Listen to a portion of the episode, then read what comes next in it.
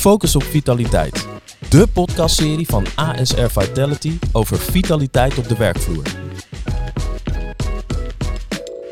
Hoe belangrijk is vitaliteit op de werkvloer? En waar hou je die motivatie vandaan? Mijn volgende gast kan hier ons alles over vertellen. Hij is oud-topsporter, analist, vitaliteitscoach bij de politie en is te zien op tv met zijn eigen sportprogramma. Daarnaast staat hij bekend om zijn grootste internationale prestaties in de atletiekwereld. In deze aflevering praat ik, Katelijn, met Gregory Sedok over hoe je jezelf en anderen motiveert op het gebied van vitaliteit. Een beetje een flauwe vraag, maar ik ga toch vragen. Hoe vitaal voel jij jezelf eigenlijk nu? Ehm, nou, ik voel me eigenlijk wel heel erg goed en vitaal, moet ik wel zeggen, op dit moment. Ja, ik voel me eigenlijk wel, wel vitaal. Ja. want wat betekent vitaliteit volgens jou? Nou, vitaliteit uh, is, is, mensen hebben het vaak over uh, sporten, bewegen en et cetera. Nou, natuurlijk is dat ook wel belangrijk. Maar als ik naar mezelf kijk, dan is vitaliteit wel wat groter en wat breder dan dat. Mhm. Dan kijk je echt naar werkgeluk, naar woongeluk, um, plezier en goed in je vel zitten. Nou, ik denk dat het, je baan bijvoorbeeld, hè, dingen die je leuk vindt, kun je die, uh, kun je die ook uh, daadwerkelijk uitvoeren. Nou, dat, dat zijn belangrijke punten en elementen voor mij als je kijkt naar vitaliteit. En natuurlijk hoort daarbij gezond leven. Maar ik denk dat met name werkgeluk en leefgeluk, dat dat heel erg belangrijk en vooral leidend is. Kan je het zo zeggen dat het ook zeg maar opgedeeld dus inderdaad is in verschillende delen. Dus inderdaad mentaal, beweging, voeding, motivatie. Ja, het een heeft met het ander te maken. Kijk, uh, als je het hebt over een voorbeeldje, een, een, emotionele belasting bijvoorbeeld op het mm -hmm. werk is heel erg hoog. Dat kan ergens vandaan komen. Uh, werkdruk wat te hoog is, uh, maar misschien ook wel dat het thuis niet lekker loopt of je zit niet goed in je vel. Dus het een heeft wel met het ander te maken.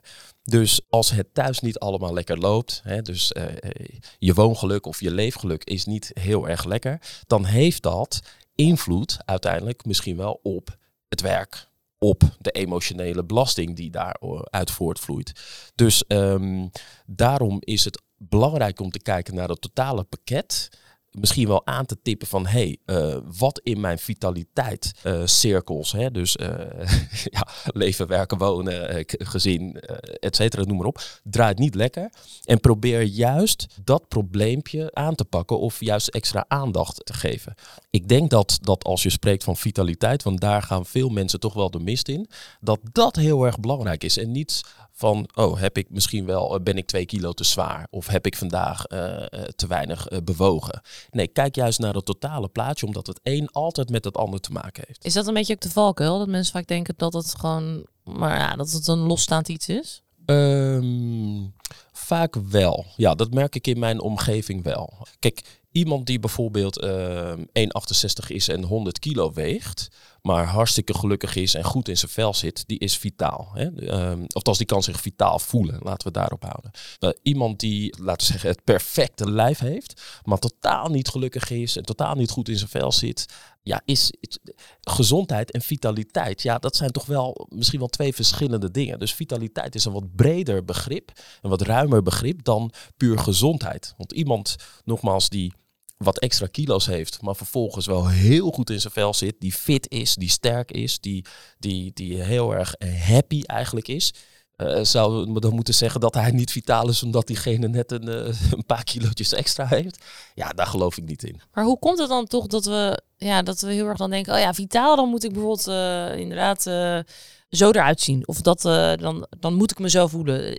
Het lijkt een beetje soms alsof er van die vooroordelen zit aan het, uh, aan het woord vitaal. Ja, dat klopt. En uh, dat is ook niet zo gek. Zeker in de tijd waarin we nu leven, waarin het woord vitaliteit, denk ik, nog hoger staat op de agenda mm. dan ooit. Mensen werken thuis. We hebben coronakilo's en, en, en, en, en dat soort zaken hebben we allemaal gehoord. Dus vaak denken wij dat we, als we het over vitaal hebben, hè, dus niet over vitaliteit, maar je moet vitaal zijn. Dat je het perfecte lijf moet hebben. Dat je elke dag moet sporten. Dat je uh, gezond uh, moet eten. Een blaadje sla.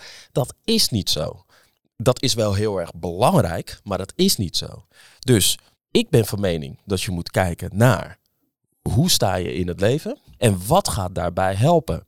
Gaat sporten uh, erbij helpen om je beter te voelen. Je maakt endorfine aan. Dat kan ervoor zorgen dat je uiteindelijk weer meer geluk en levensgeluk krijgt. Ja, als dat het setje is om uiteindelijk aan iets, hè, als je die touwtjes in handen hebt, in beweging te krijgen, ja, dan moet je dat zeker doen. En ik geloof natuurlijk ook dat een gezonde levensstijl, dus sporten, dus voldoende slaap, uh, goede voeding tot je nemen, dat dat in ieder geval de basis is voor nou ja, eigenlijk als je kijkt naar de cirkels voor, eh, voor een uh, goed levensgeluk en hoe, hoe, goed je in je vel zit. Dat is wel de basis. Ik kan me niet voorstellen dat als jij alleen maar op de bank ligt en chips en, en snoep te eten, dat daardoor je levensgeluk omhoog gaat. Of dat je daardoor lekkerder van in je vel gaat zitten. Nee, natuurlijk niet. Maar het begrip vitaliteit, ja, dat omvat natuurlijk wel wat, uh, dat is wel wat breder dan alleen maar bewegen en, en, de, en de top uitzien. Maar, oh, want je noemde net wat kenmerken op en levensgeluk. En, maar ja, wat is ik dan als ik een werkgever ben en ik denk, ja, dat is allemaal heel leuk, maar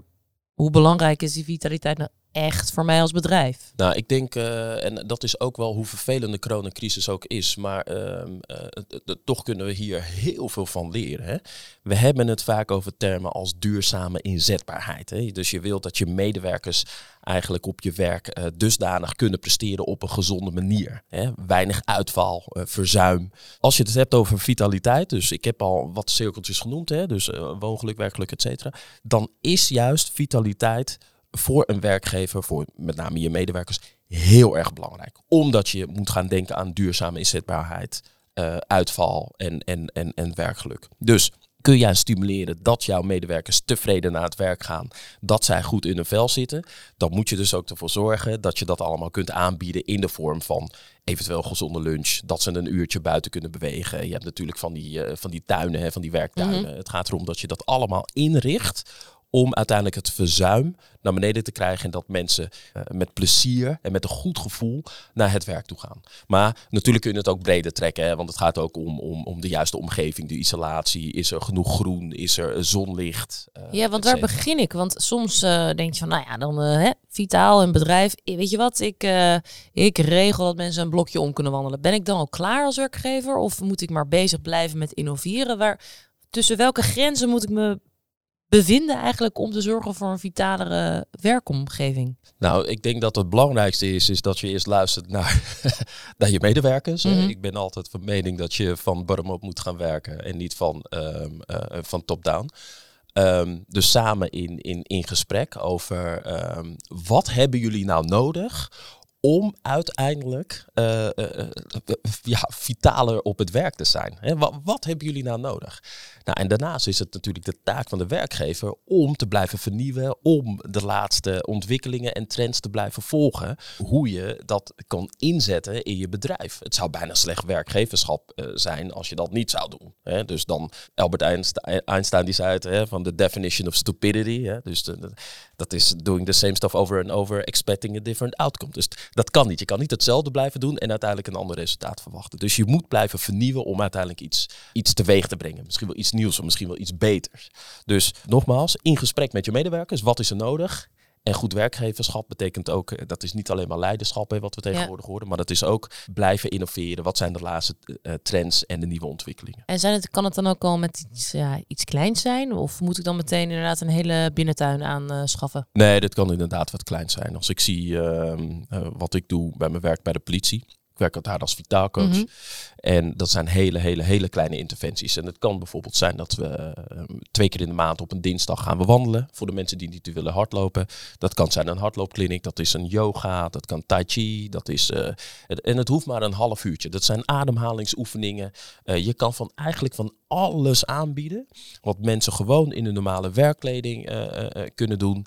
Waarvoor ze niet hoeven om te kleden in principe. En wat toch heel fijn is om even ja, dat klinkt misschien heel zweverig, maar dat is het niet. Maar even in het moment. Dus we gaan nu even lekker hardlopen of we gaan wandelen om even de zinnen te verzetten.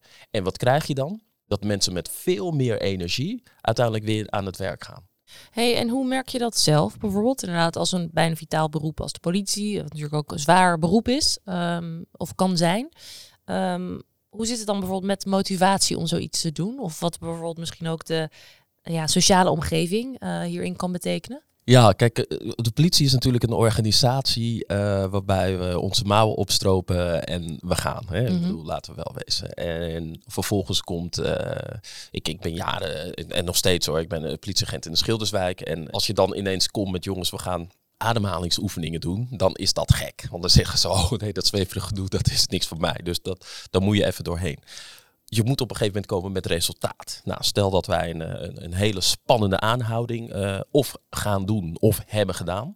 Dan heb ik uh, gekeken wat het doet met de mensen, ademhalingsoefeningen gedaan en gezien wat het resultaat is. Als je dat steeds kan meten, monitoren, kan overbrengen en laten zien wat het met mensen kan doen, dan krijg je mensen ook mee. Dus ja, bij de politie is het wel eens lastig om dat soort dingen te doen. En dat is ook heel logisch. Hè. We moeten spannend werk doen. We moeten vaak, uh, ja, we komen in vervelende situaties terecht. Maar hoe zorg je ervoor dat jij s'avonds in bed ligt en alles normaal op een fatsoenlijke manier kan verwerken? En dat is op dat moment op de werkvloer interventie plegen. En dat kan zijn ademhalingsoefeningen, dat kan zijn even, uh, of het nou een yoga is of een meditatie of iets. En dat zie je dat het nu steeds belangrijker wordt. En de leiding doet er nu ook al mee. De politieleiding doet er aan mee. De eenheidschefs of de korpsleiding. Um, ja, en dat druppelt dan langzaam naar beneden. Want als de baas het doet, ja, dan, dan, ja, dan gaan wij het ook eigenlijk wel allemaal wel doen. Is dan uh, sociale omgeving, denk je ook echt de key voor die motivatie om bijvoorbeeld mee te doen aan zoiets? Ja, hoewel dat ook weer een bepaalde druk kan opleveren. Want ja, niet iedereen zit, zit erop te wachten om om dat met elkaar misschien wel te delen. Maar daarom is het wel goed dat er vitaalcoaches zijn waarbij je ook één op één dingen kan doen en mhm. kan bespreken. Dus ja, de sociale omgeving is zeker heel erg belangrijk. En een, en een ander voorbeeld bijvoorbeeld is uh, nog heel kort, is dat we hebben natuurlijk de rellen gehad. Hè, in, ja. uh, nou, hiervoor bij ons ook in de wijk in de Schilderswijk in Den Haag.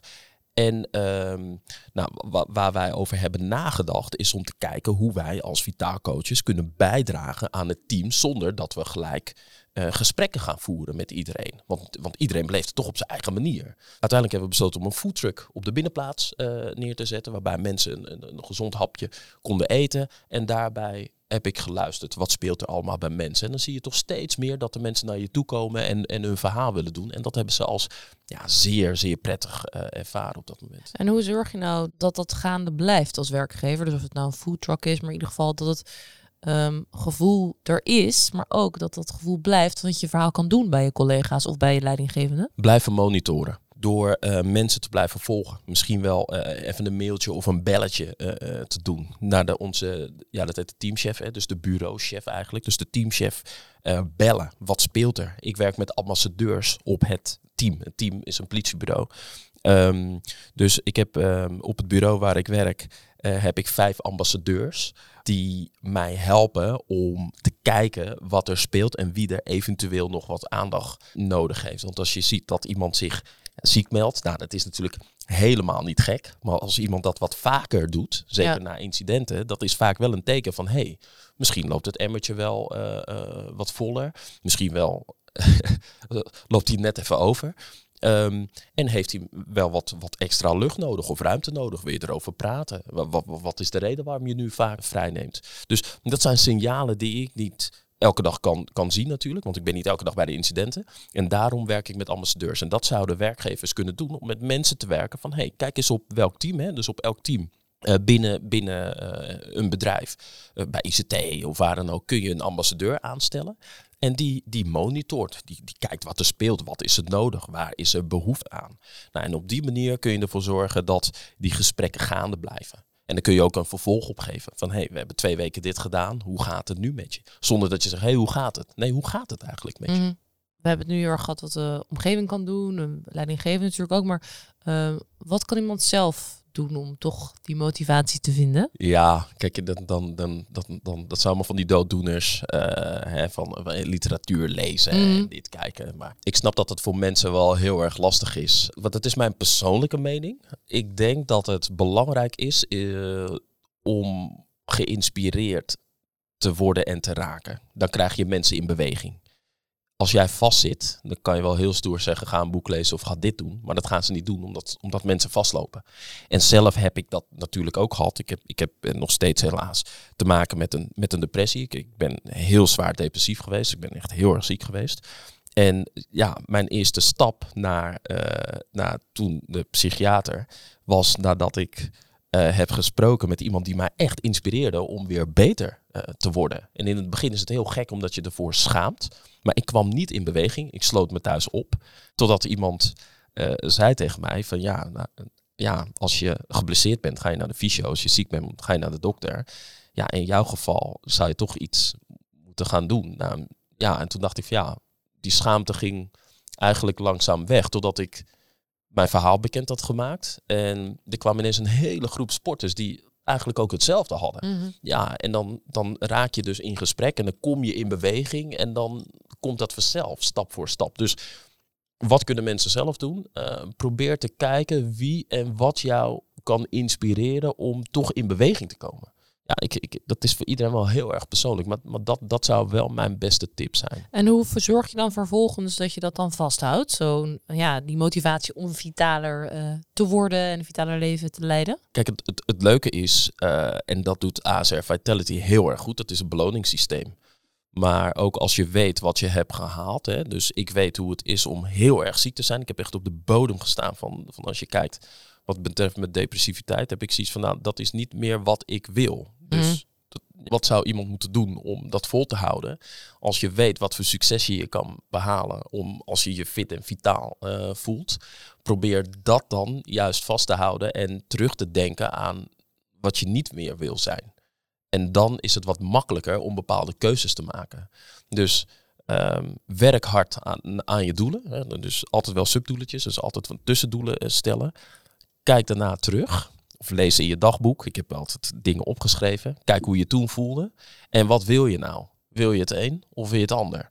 Nou, en dan, ja, dat heeft mij in ieder geval eh, mij geholpen om, ja, om door te gaan. En, en vooral niet op te geven. En zit het hem dan ook juist in het breken met routines of juist het creëren van nieuwe routines? Ja, dat vind ik ook wel lastig. En Misschien wel nieuwe routines. Want ehm, wat je vaak ziet is dat ehm, als er een, een, een disbalans ergens is, hè, dus, dus ehm, mensen houden toch wel vaker van, nou, we staan op, we gaan ontbijten, we gaan naar het werk, we gaan eh, hè, een tram, fiets of bus naar het werk en we gaan werken en we komen terug eten, warm eten. Dus, en, en als daar ineens een verandering in komt, dan moeten we toch, eh, toch wel wennen. Zo zijn wij geprogrammeerd nou eenmaal. Dus het breken met routines, dat kan misschien wel goed zijn om uiteindelijk stappen voorwaarts te maken. Maar uiteindelijk moeten we wel de routine, die routines houden om structuur eh, eh, te houden in ons schema. Dus het is goed om gewoon te ontbijten, een goede maaltijd eh, ontbijten. Het is goed om te lunchen en het is goed om avond te eten. En probeer dan in ieder geval dat te kaderen. Dus in ieder geval een structuur te houden. Maar als je het hebt over nieuwe routines, dan zou ik het eerder zoeken in, in het nieuwe denken. Dus waar je bijvoorbeeld de bus of de tram neemt. Ik zeg maar, maar even wat geks. hè. nee, Eh, tuurlijk. Probeer dan ineens eh, de- ja, even de fiets te nemen. Of probeer net even toffere dingen of, of net even iets anders eh, te doen. Maar wel je oude routines blijven behouden als dat altijd goed heeft gevoeld. En ho- hoe zit het dan bijvoorbeeld met ehm, ja, de grens van privé naar werk? Want eh, zeg je dan van ja, in, binnen die routines, dan moet, moet het eigenlijk bij de werkgever liggen om dan te zeggen, nou, dat blokje werk van wij, mijn werknemer, daar ga ik eens even kijken naar die routines. Of ho- hoe zit het in die verhouding? Nou, ik, ik, ik denk wel dat we moeten blijven benoemen dat de taak van de werkgever is gewoon goed werkgeverschap. Mhm. En dat de taak van de werknemer is dat diegene zijn werk gewoon goed doet. Nou ja, wat zie je bijvoorbeeld zelf als je kijkt inderdaad bij de politie of misschien andere eh, eh, plekken waar je soms komt om lezingen te geven? Wat zie je dan bijvoorbeeld wat daar dan ja, wordt gedaan? Misschien wel binnen het bedrijf of binnen de afdeling. Nou, er wordt, er wordt heel veel gedaan. Eh, er wordt, als je het hebt over workshops, als je het hebt over lezingen Mhm. geven, als je het hebt over eh, fruit op de werkvloer. Dat is al heel goed. Binnentuinen eh, werken. Maar toch denk ik dat sommige dingen misschien net een tikkeltje anders kunnen. Door juist in die vrije tijd, toen in mijn tijd van Defensie, toen ik nog bij Defensie werkte, hadden wij, en ik weet wel dat het niet overal kan, is ook wel logisch, maar dat, dat jij een uur met de pauze, dan ga jij gewoon, eh, gingen we een, half uur sporten. Dan gingen we, en dan werden we, eigenlijk werden, we, werden wij verplicht om een half uurtje te sporten. Dus ik, eh, ja, wat was het? Ik tenniste, ik, ik, ik- even eh, zwemmen, of ja, verzin maar wat. Een beetje golfen, half uurtje, douchen, broodje eten en we gingen weer aan het werk.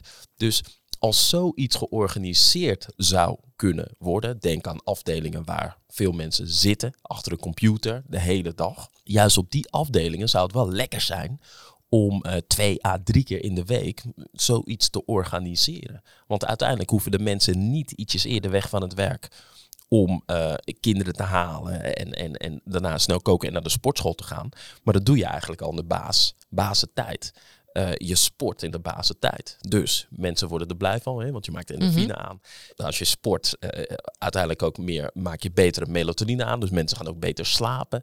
Mensen zijn sowieso blij, want ze kunnen uh, in de basentijd sporten. Dus hoeven ze niet nog s'avonds naar, naar, naar de sportschool. Dus ik denk dat dat heel veel voordelen geeft. Ik weet nogmaals dat het niet altijd kan. Maar als er afdelingen zijn uh, of werkgevers waarbij het wel kan, ja, dan moet je het vooral doen. Ik heb het gewoon geïntroduceerd bij, de, bij het team waar ik werk. Luister, wij gaan gewoon uh, de recherche bijvoorbeeld. Hè, want als het niet druk is, kunnen zij even weg. Of andere afdelingen. Wij gaan gewoon een uur sporten. Punt. Hey, en hoe zorg je er dan voor dat bijvoorbeeld als je kijkt naar de recherche, dat dan ook uh, collega's van jou ook gaan? Dus dat je, of dat ze het belang ervan inzien? Ja, ja het, het leuke is, eerst krijg je twee man mee. Daarna gaan er vier man mee. Ja, uiteindelijk gaan ze toch. Ja, denk ik altijd van nou, eigenlijk is dat wel lekker. Hè? Want mensen komen terug, die hebben verhalen, die hebben met elkaar gesproken. Er worden privé dingetjes uh, met elkaar besproken. Dus de samenhorigheid wordt alleen nog maar beter. En wat merk je? Dat bij de politie werken we in wisseldiensten. Dus de vroege dienst die, uh, die gaat dan zeg maar om, om half twee beginnen we. Maar de late dienst die normaal om twee uur begint, die komt gewoon een half uurtje eerder. Half uurtje sporten, douchen, omkleden. Dan gaan de, de briefing in. Ja, en, en, en daar creëer je toch wel, um, want dan heb je dus dubbele ploegen. Hè? Dus dan heb je twee ploegen bij elkaar, de vroege en de late dienst. Ja, dat is natuurlijk wel hartstikke leuk. Hè? Je moet nagaan, bij de politie heb je al, werk je altijd contra. Hè? Dus je hebt het ene weekend het andere weekend. Dus soms kom je mensen helemaal nooit tegen. Omdat mm -hmm. die dienstroosters natuurlijk, als de ene nachtdienst heeft en de andere vroege dienst, ja, dan kom je elkaar nooit tegen. Dus de saamhorigheid wordt alleen maar beter. Dus door juist te sporten net een half uurtje of drie kwartier in de basentijd, ja, dan ontmoet je ook andere mensen. Neem ASR, een super groot bedrijf ik durf te wedden dat iemand van de ICT, misschien wel nooit iemand bij de HR of een andere persoon wel tegenkomt. En dat kan wel gebeuren als je dat met uh, inschrijflijsten doet. Nou, we gaan bijvoorbeeld op vrijdagmiddag om vier uur in plaats van uh, een borrel, gaan we gewoon hardlopen. Maar dat klinkt ook een beetje alsof het belang bij zeg maar de motivatie vinden en iedereen mee te krijgen ook een beetje zit in de toch wel positieve kant van groepsdruk. Ja, misschien, ook wel. Ja, kijk, wat je ziet is dat je mensen in beweging wil krijgen. Letterlijk eigenlijk. Maar je wil ze ook in beweging krijgen. Dus juist door te werken met misschien wel die ambassadeur op het team, kun je dus uh, ervoor zorgen dat andere mensen toch wel meegaan. Dat ze denken, ja, ik kan niet achterblijven. Want als jij om uh, afspreekt van jongens, we gaan tussen 12 en half 1 wat doen. En iemand anders, ja, ja, druk. En ik ga toch even mijn donutje achter mijn computer eten.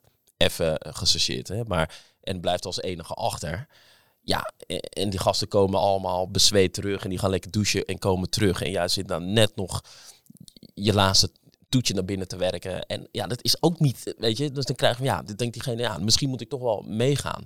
Ik zeg niet dat dat het altijd goed is, hè, want iemand moet ook lekker zijn eigen ding kunnen doen en niet de druk voelen om te moeten, want het moet geen moeten zijn.